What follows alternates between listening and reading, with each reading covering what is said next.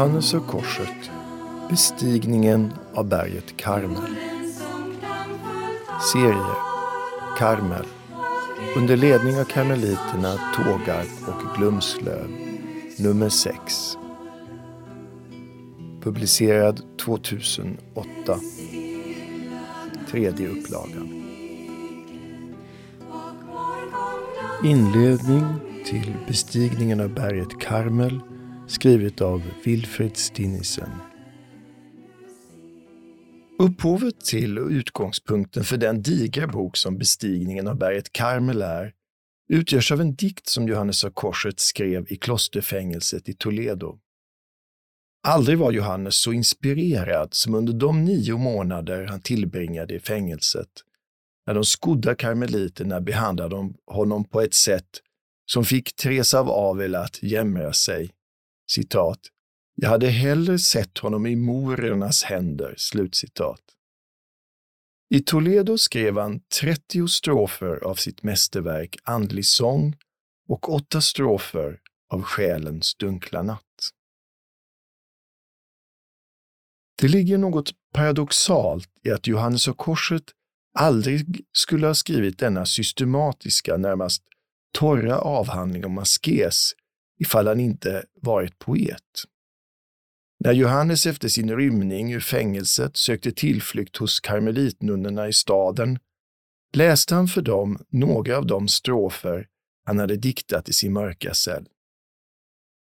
Omedelbart bad nunnorna, nunnorna honom skriva en kommentar till dem. Andlig sång och levande kärlekslåga har kommit till på liknande sätt. Utan dikter, inga kommentarer. Johannes och korsets verk är födda ur själva livet.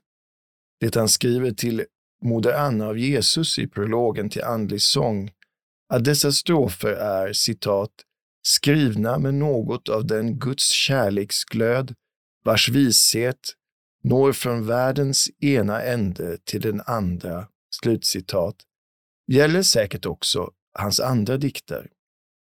De författades i andliga höjdmoment.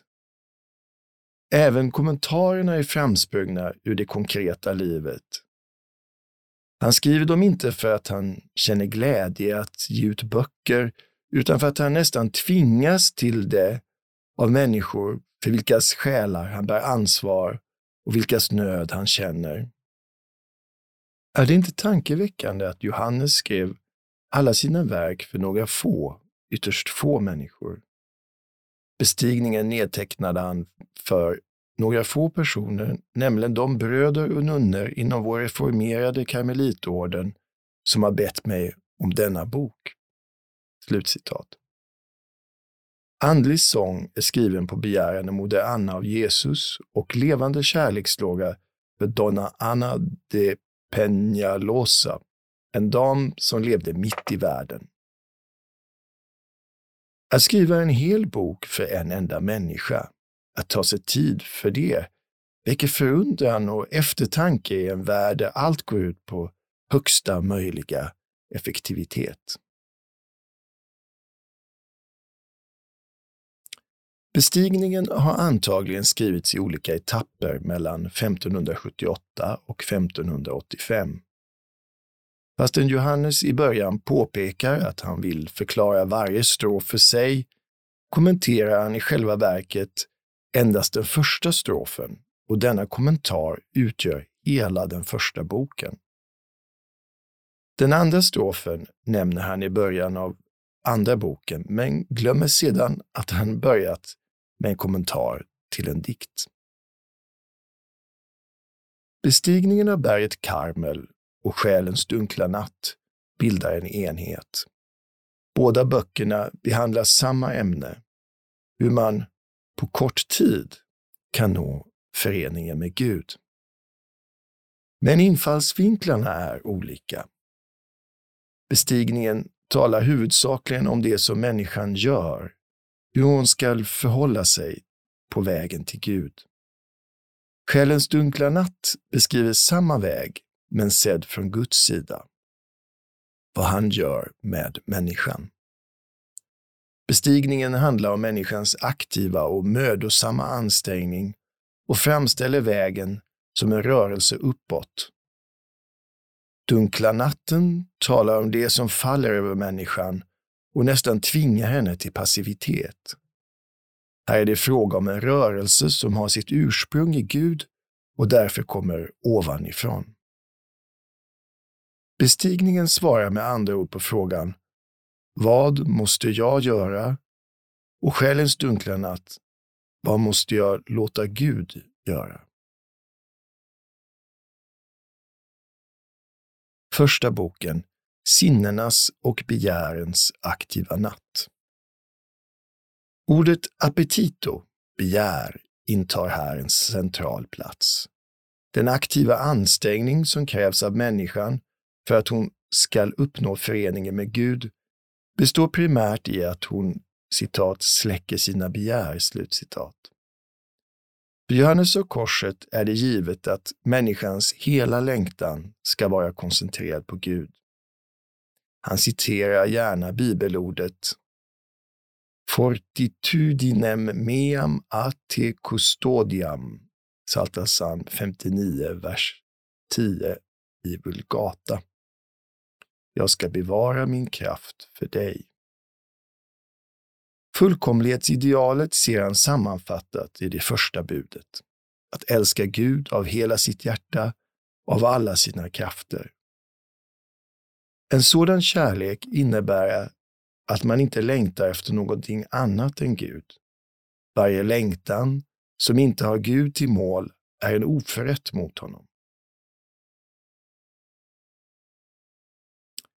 Vi är, inte, vi är inte vana vid en sådan logik och blir förskräckta, kanske upprörda när vi läser bestigningens hårda, till synes hänsynslösa riktlinjer.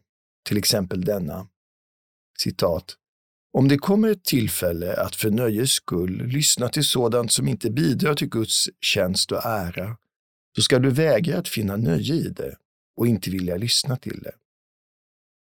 Om du finner nöje i att betrakta sådant som inte leder dig närmare Gud, då ska du visa bort detta nöje och inte ens betrakta dessa föremål. Slutcitat. Är det realistiskt att utan vidare avvisa ting som inte citat, leder närmare till Gud? Slutcitat.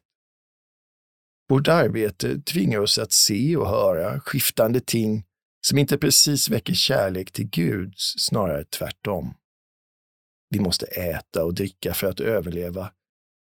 Därför tillägger Johannes, citat, du måste späka alla dina sinnen öppet och ärligt när du kan det.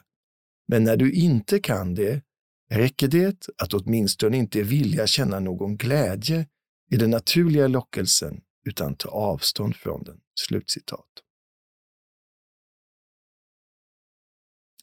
Det är inte tingen i sig som hindrar oss från att nå Gud, utan den ägarmentalitet vi intar gentemot tingen. Johannes är mycket angelägen om att vi inte uppfattar hans asketiska regler bokstavligt och materiellt. Vi avser inte, skriver han, att tala om en verklig förlust av ägodelar, vilket inte alls utblottar själen ifall de fortfarande har kvar begäret efter dem utan vi menar fattigdom på begär och på smak för njutning. Och den fattigdomen gör själen fri och tom, vad hon än må äga. Slutcitat. Det avgörande hindret mot föreningen med Gud, som är kärlek, är människans inrotade egoism. Egoism och kärlek står antipodiskt mot varandra. Därför ska man föra en outtröttlig kamp mot sin egoism genom att gå den motsatta vägen istället för den som egoismen vill välja. Vad annat kan det innebära än att man avvisar den spontana, själviska dragningen och föredrar det som är svårare och eh, obehagligare? Johannes säger inte att man alltid ska göra det svåraste, utan att man ska ha benägenhet därtill. Är detta omänskligt? Nej, inte mer omänskligt än evangeliet. Är det inte snarare så att den som låter sig ledas av jag tycker om, jag tycker inte om, lever ett omänskligt liv? Några magistrala kapitel beskriver i vilka plågor en sådan människa lever. Citat. Det är klart att begären gör själen trött och kraftlös. De är ju som oroliga, missbelåtna barn som oupphörligt tjatar på sin mor och vill än det ena, än det andra och som aldrig är nöjda. Slutcitat. När man läser bestigningen i sin helhet upptäcker man att den, precis som evangeliet, kommer med ett glädjens budskap. Johannes vill hjälpa människan att bli lycklig, att uppnå inre enhet och harmoni. Han tröttnar inte på att erinra oss om att målet för den smala väg han visar är friheten. Frihet från inre förtryck och frihet till att obehindrat ta emot Guds kärlek. Att Johannes av Korsets askes inte är så hänsynslös som man ibland låter påskina framgår också av den vikt han lägger vid att allt ska ske av kärlek. För den som är fascinerad av Gud är det en självklarhet att välja Gud. Och när han någon gång inte gör det känner han det som ett svek. Citat. För att övervinna alla begär och döda alla böjelser för de skapade varelser och ting till vilka viljan vanligtvis flammar upp i kärlek och tillgivenhet för att glädja sig åt dem, är en annan och ännu starkare eld nödvändig, nämligen den som brinner i själen för hennes brudgum.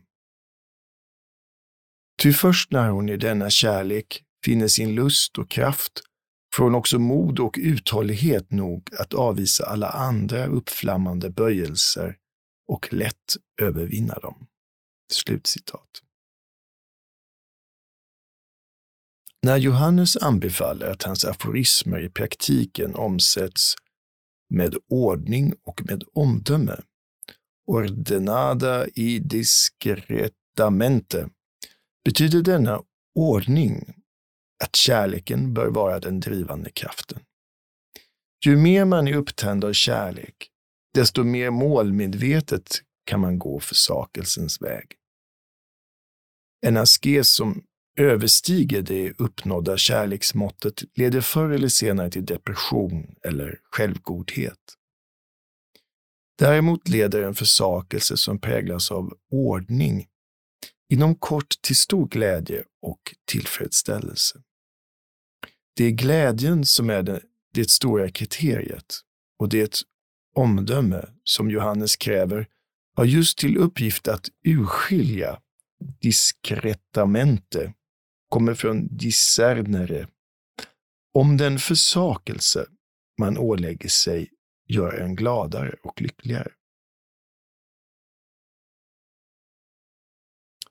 Med andra ord kan man säga att askesen bör vara organisk. Den växer allt eftersom kärleken växer. Att springa allt för fort hämmar sig.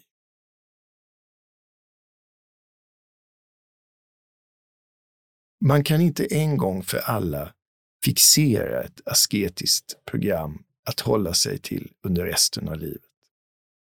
Landskapet växlar ständigt. I början behöver man kanske alltjämt en del världslighet, det vill säga avkopplande lektyr, musik och resor. Sedan kommer en tid då allt detta förlorat sin dragningskraft. Man finner istället mer och mer vederkvickelse i ensamhet, i tystnad, i Gud. Möjligen kommer en period man inte söker, men tillåter en del världsligt i sitt liv.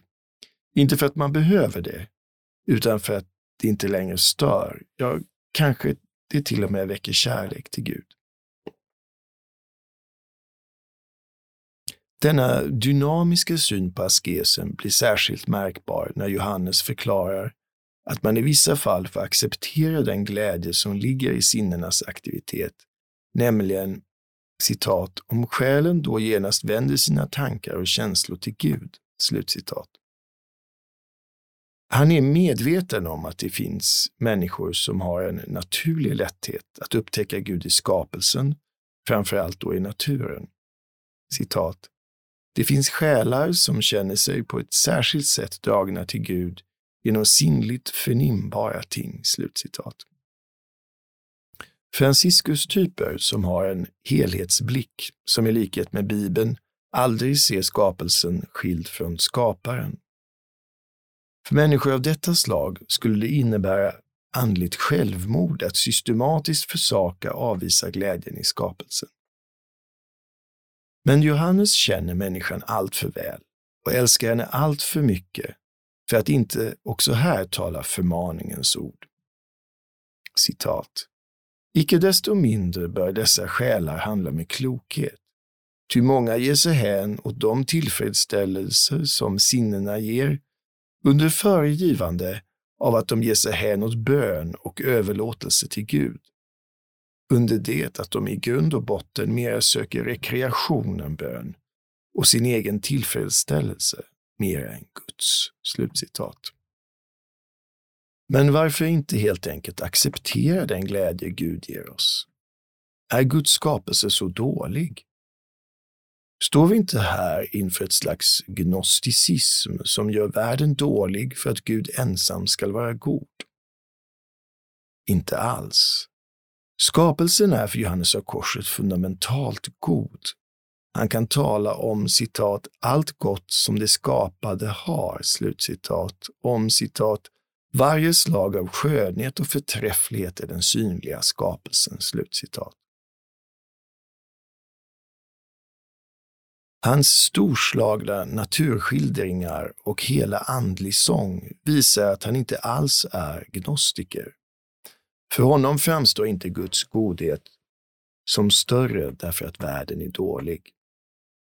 När han talar om att skapelsen är ett intet ligger tyngdpunkten på det upprepade i jämförelse med.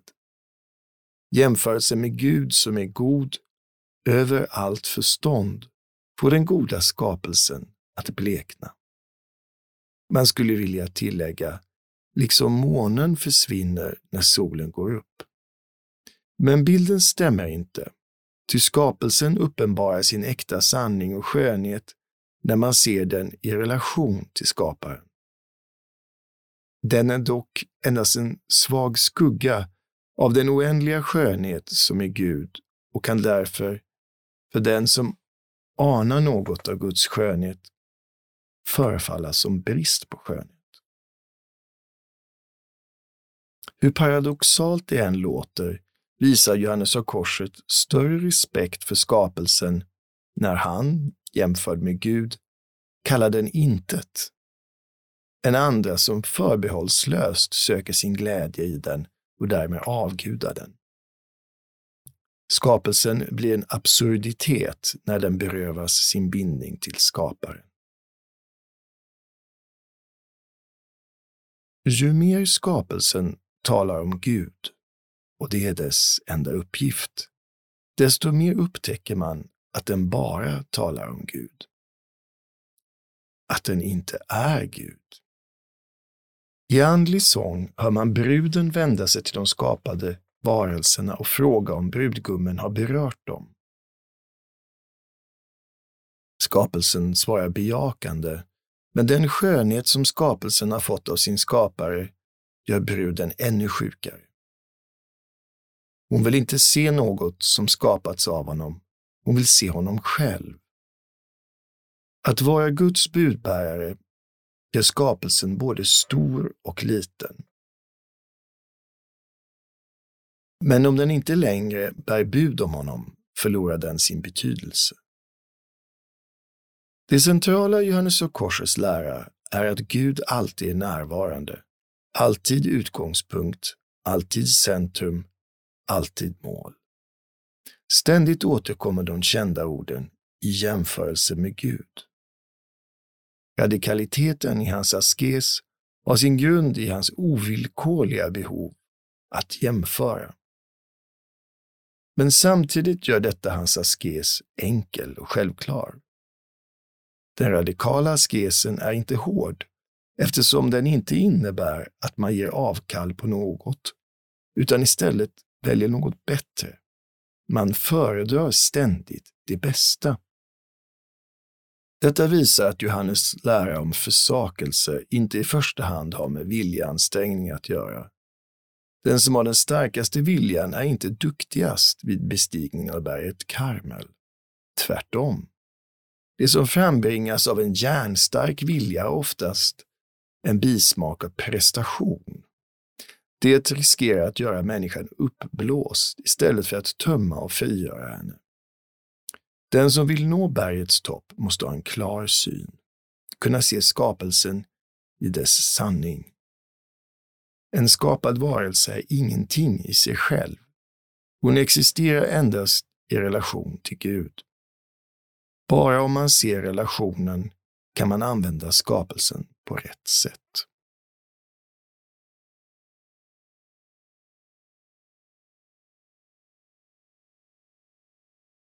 Andra boken Förståndets natt. Antagligen har ingen i så hög grad som Johannes av Korset betonat nödvändigheten av ett förståndets askes. Förståndet bör fullkomnas av tron. Han avser inte en teoretisk eller abstrakt tro, utan en tro fylld av kärlek. Hur mycket tron är besläktad med kärleken visar han i prologen till Andlig sång. Det här nästan skrämmer en teologiskt bildad läsare. Citat. Tron i vilken vi älskar Gud utan att förstå honom. Slutcitat. Det är denna tro som är den raka vägen till Gud. Denna andra bok av bestigningen är en enda stor lovsång till tron. Den dunkla tron och meditationen.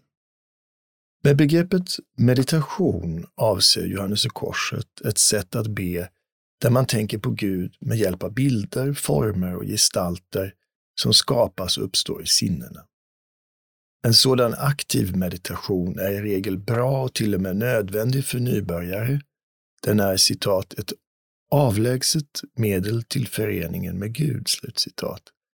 Men man måste förstå citat att man bara skall passera den vägen fram och inte stanna kvar där, ty annars kommer man aldrig fram till målet. Slutcitat.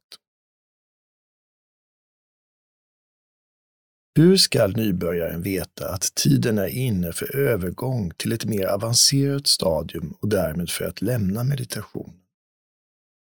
I kapitel 13 ger Johannes tre tecken, av vilka han betraktar det tredje som det säkraste. Citat. Själen är lycklig över att befinna sig ensam med kärleksfull uppmärksamhet mot Gud utan att tänka på någonting bestämt, i inre frid, i stillhet och vila. Slutcitat. Det är detta tecken som genomgripande skiljer den kontemplativa bön han förespråkar från alla moderna, ofta orientaliskt inspirerade former av meditation där man försöker skapa tomhet. För Johannes räcker det inte att lusten till meditation på det gamla sättet med tankar, bilder och ord har försvunnit. Det första tecknet.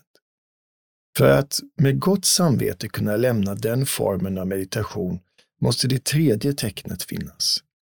Annars kan man inte längre tala om bön. Det är i den kontemplativa bönen och inte i meditationen som tron kommer till sin rätt. Tron är för Johannes av Korset alltid något dunkelt.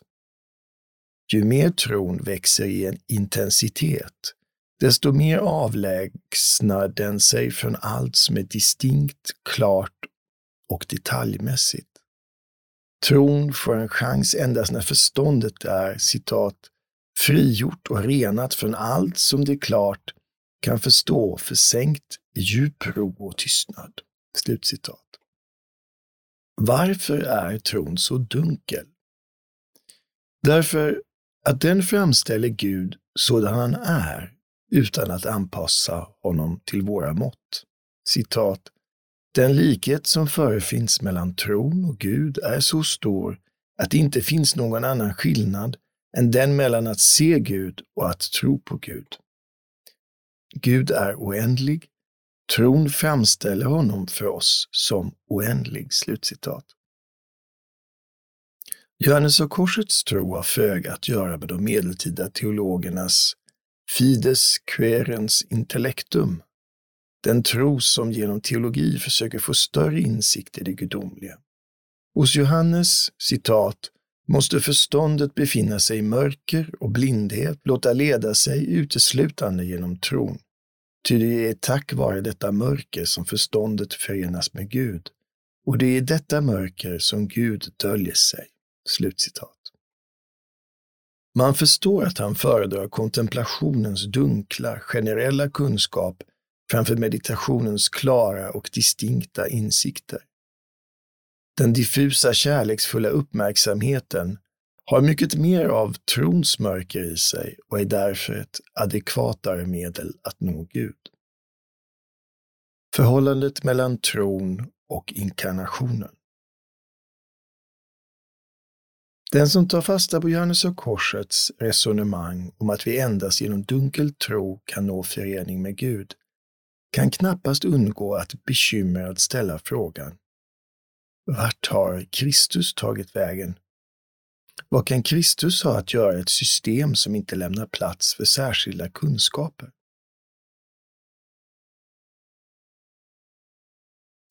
Att Johannes i sitt personliga liv inte avvisade bilder eller föreställningar om Kristus framgår bland annat av att han själv har ritat en gripande bild av den korsfäste. En bild som senare skulle inspirera Salvador Dalí. En viss julnatt dansade han med en bild av det lilla Jesusbarnet i sina armar.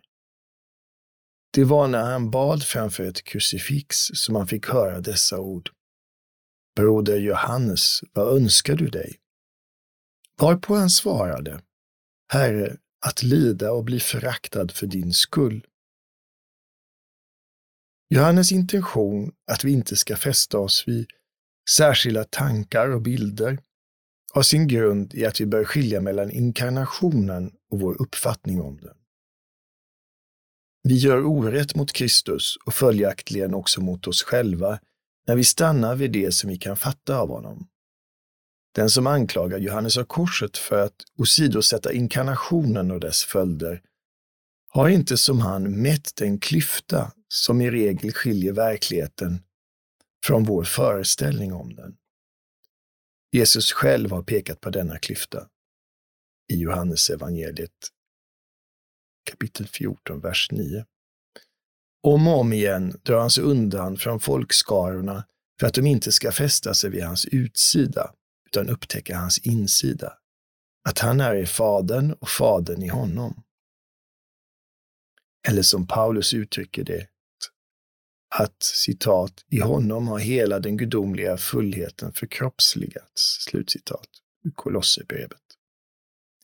Man måste kunna passera Jesus för att finna Kristus, han som är hemma i Faderns sköte. Inkarnationen avslöjar sitt oändliga djup först när den ses i relation till Kristi död och uppståndelse, till hans himmelsfärd och återkomst. Ja, till Sonens eviga inneboende i Fadern före och efter inkarnationen. Det kan man inte se eller höra med sina sinnen. Det kan man inte fatta genom bilder och fantasi. Det kan man bara närma sig i dunkel tro. Detta betyder inte att man avvisar Jesus, utan att man tränger igenom det yttre skenet för att finna hans verklighet. Är det inte på samma sätt med sakramenten? Det skulle vara fel att stanna vid de yttre tecknen, vatten, bröd och vin. Men det innebär inte att man förkastar dessa yttre saker. Tvärtom, man står trygg och säker med dem. Det handlar alltså inte först och främst om att förneka eller avvisa, utan att bryta igenom det yttre skalet och upptäcka den inre substansen.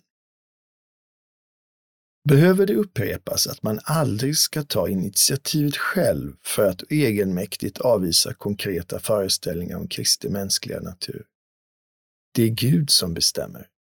När han leder människan in i trons mörker bleknar alla bilder och föreställningar. Då ska man inte bli förtvivlad, ty först då blir Jesu ord verklighet. Citat, jag ska se er igen och då skall ni glädas. Johannes evangeliet kapitel 16, vers 22. Dunkel tro och distinkta övernaturliga meddelanden. Trons ljus, eller vilket är detsamma, trons mörker. Trons ljus är ett bländande ljus och är upphöjt över allt vad sinnena, förstånd, ja till och med vad visioner, uppenbarelser kan lära oss om Gud. Därför gäller askesen också dessa övernaturliga nådegåvor. Själen har en oändlig kapacitet som inte kan fyllas av något som är mindre än Gud. Endast tron förmedlar Gud oförminskat. Just på detta plan visar sig Johannes av Korsets lära vara rykande aktuell. Ännu för några decennier sedan visste man inte vad alla hans råd om att avvisa visioner, uppenbarelser och profetiska budskap skulle känna till. Även i kontemplativa kloster var det sällsynt att någon hade fått sådana nådegåvor. Genom den karismatiska rörelsen har emellertid mystikens dörr på något sätt öppnats för hela Guds folk. Men därmed har också risken för falsk mystik ökat. I synnerhet om det finns ett starkt intresse för det extraordinära är faran stor att man förväxlar sina egna önskningar eller fantasier med den heliga Andes verk. Illuminismen, som blomstrade på Johannes av Korsets tid, men sedan länge tycktes vara död och begraven, har stått upp igen. Därför är bestigningen en ytterst modern bok. En viss reservation är nödvändig när man ska ta ställning till extraordinära nådegåvor, särskilt då vi lite bättre än våra förfäder vet hur lätt vårt undermedvetna bedrar oss. Men Johannes nöjer sig inte med att varna endast för det undermedvetna snaror, utan riktar sig också mot nådegåvor som otvivelaktigt kommer från Gud. Han förnekar inte att sådana nådegåvor kan bära riklig frukt i en människa, men han påstår att hon under alla omständigheter får del av den frukten, även om hon intar en avvisande hållning. Just genom att avfärda det som direkt talar till sinnena står hon mer öppen för själva substansen i nådegåvan. Den andlige ledarens uppgift förenklas härmed avsevärt. När det gäller dessa övernaturliga fenomen är det inte tvunget att kunna skilja mellan andarna. Johannes klandrar biktfäder som försöker bibringa sina biktbarn konsten att skilja på äkta och falska visioner. Citat. Varför ska man kasta själen in i, så, in i sådana bekymmer, mödor och faror? Om man istället lägger föga vikt vid visionerna och inte bryr sig om dem, så undviker man alla olägenheter och gör det enda rätta. Slutcitat. När Johannes börjar tala om människor som förmätet ställer frågor till Gud blir han irriterad. Det är ett slags hybris att på detta sätt ställa Gud i sin tjänst. I ett sublimt anförande som han lägger i Guds, Gud faders mun tar han Guds försvar. Citat. Gud skulle kunna svara en sådan människa ungefär så. Jag har ju redan uppenbarat allt för dig i mitt ord, alltså i min son. Betrakta honom noga och du ska finna att jag genom honom har gjort och gett mycket mera än vad du ber om. Slutcitat. Tredje boken, Minnets och viljans natt. Minnets natt.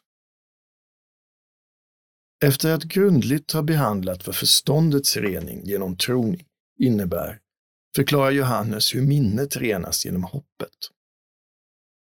Det som framförallt kännetecknar minnet är dess rikedom. Minnet är den själsförmögenhet som bevarar allt vad man sett, hört, tänkt och upplevt. Denna rikedom står i direkt motsats till hoppet som förutsätter behov, fattigdom. Citat. Varje ägande är emot hoppet, vilket ju, säger den helige Paulus, har till föremål det som man inte äger. Slutcitat. Johannes börjar med en varning. Hans regler om att tömma minnet på allt naturligt och övernaturligt är oerhört radikala och vänder sig uteslutande till människor som står föreningen med Gud mycket nära. Andens natt i bestigningen beskriver samma period som Andens natt i själens dunkla natt, men här med tonvikt på människans hållning.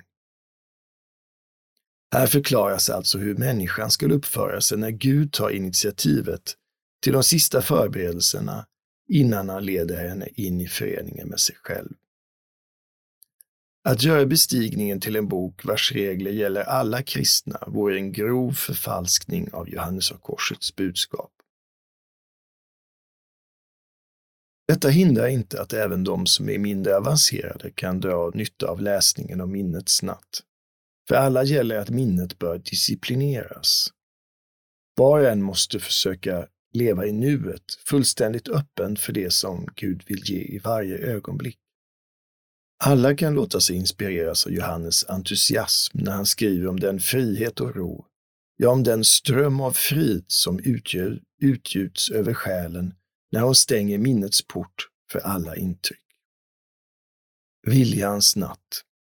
Liksom förståndet bör släppa taget om alla distinkta kunskaper för att tro på det som övergår allt förstånd, bör viljan lära sig att älska Gud också i mörkret, bortom allt som kan kännas eller erfaras.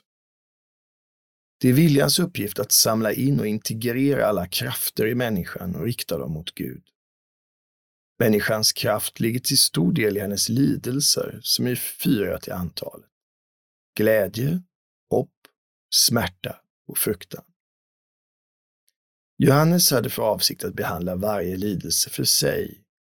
I själva verket kom han, åtminstone i den text som har bevarats, inte längre än till, än till den första lidelsen, glädjen.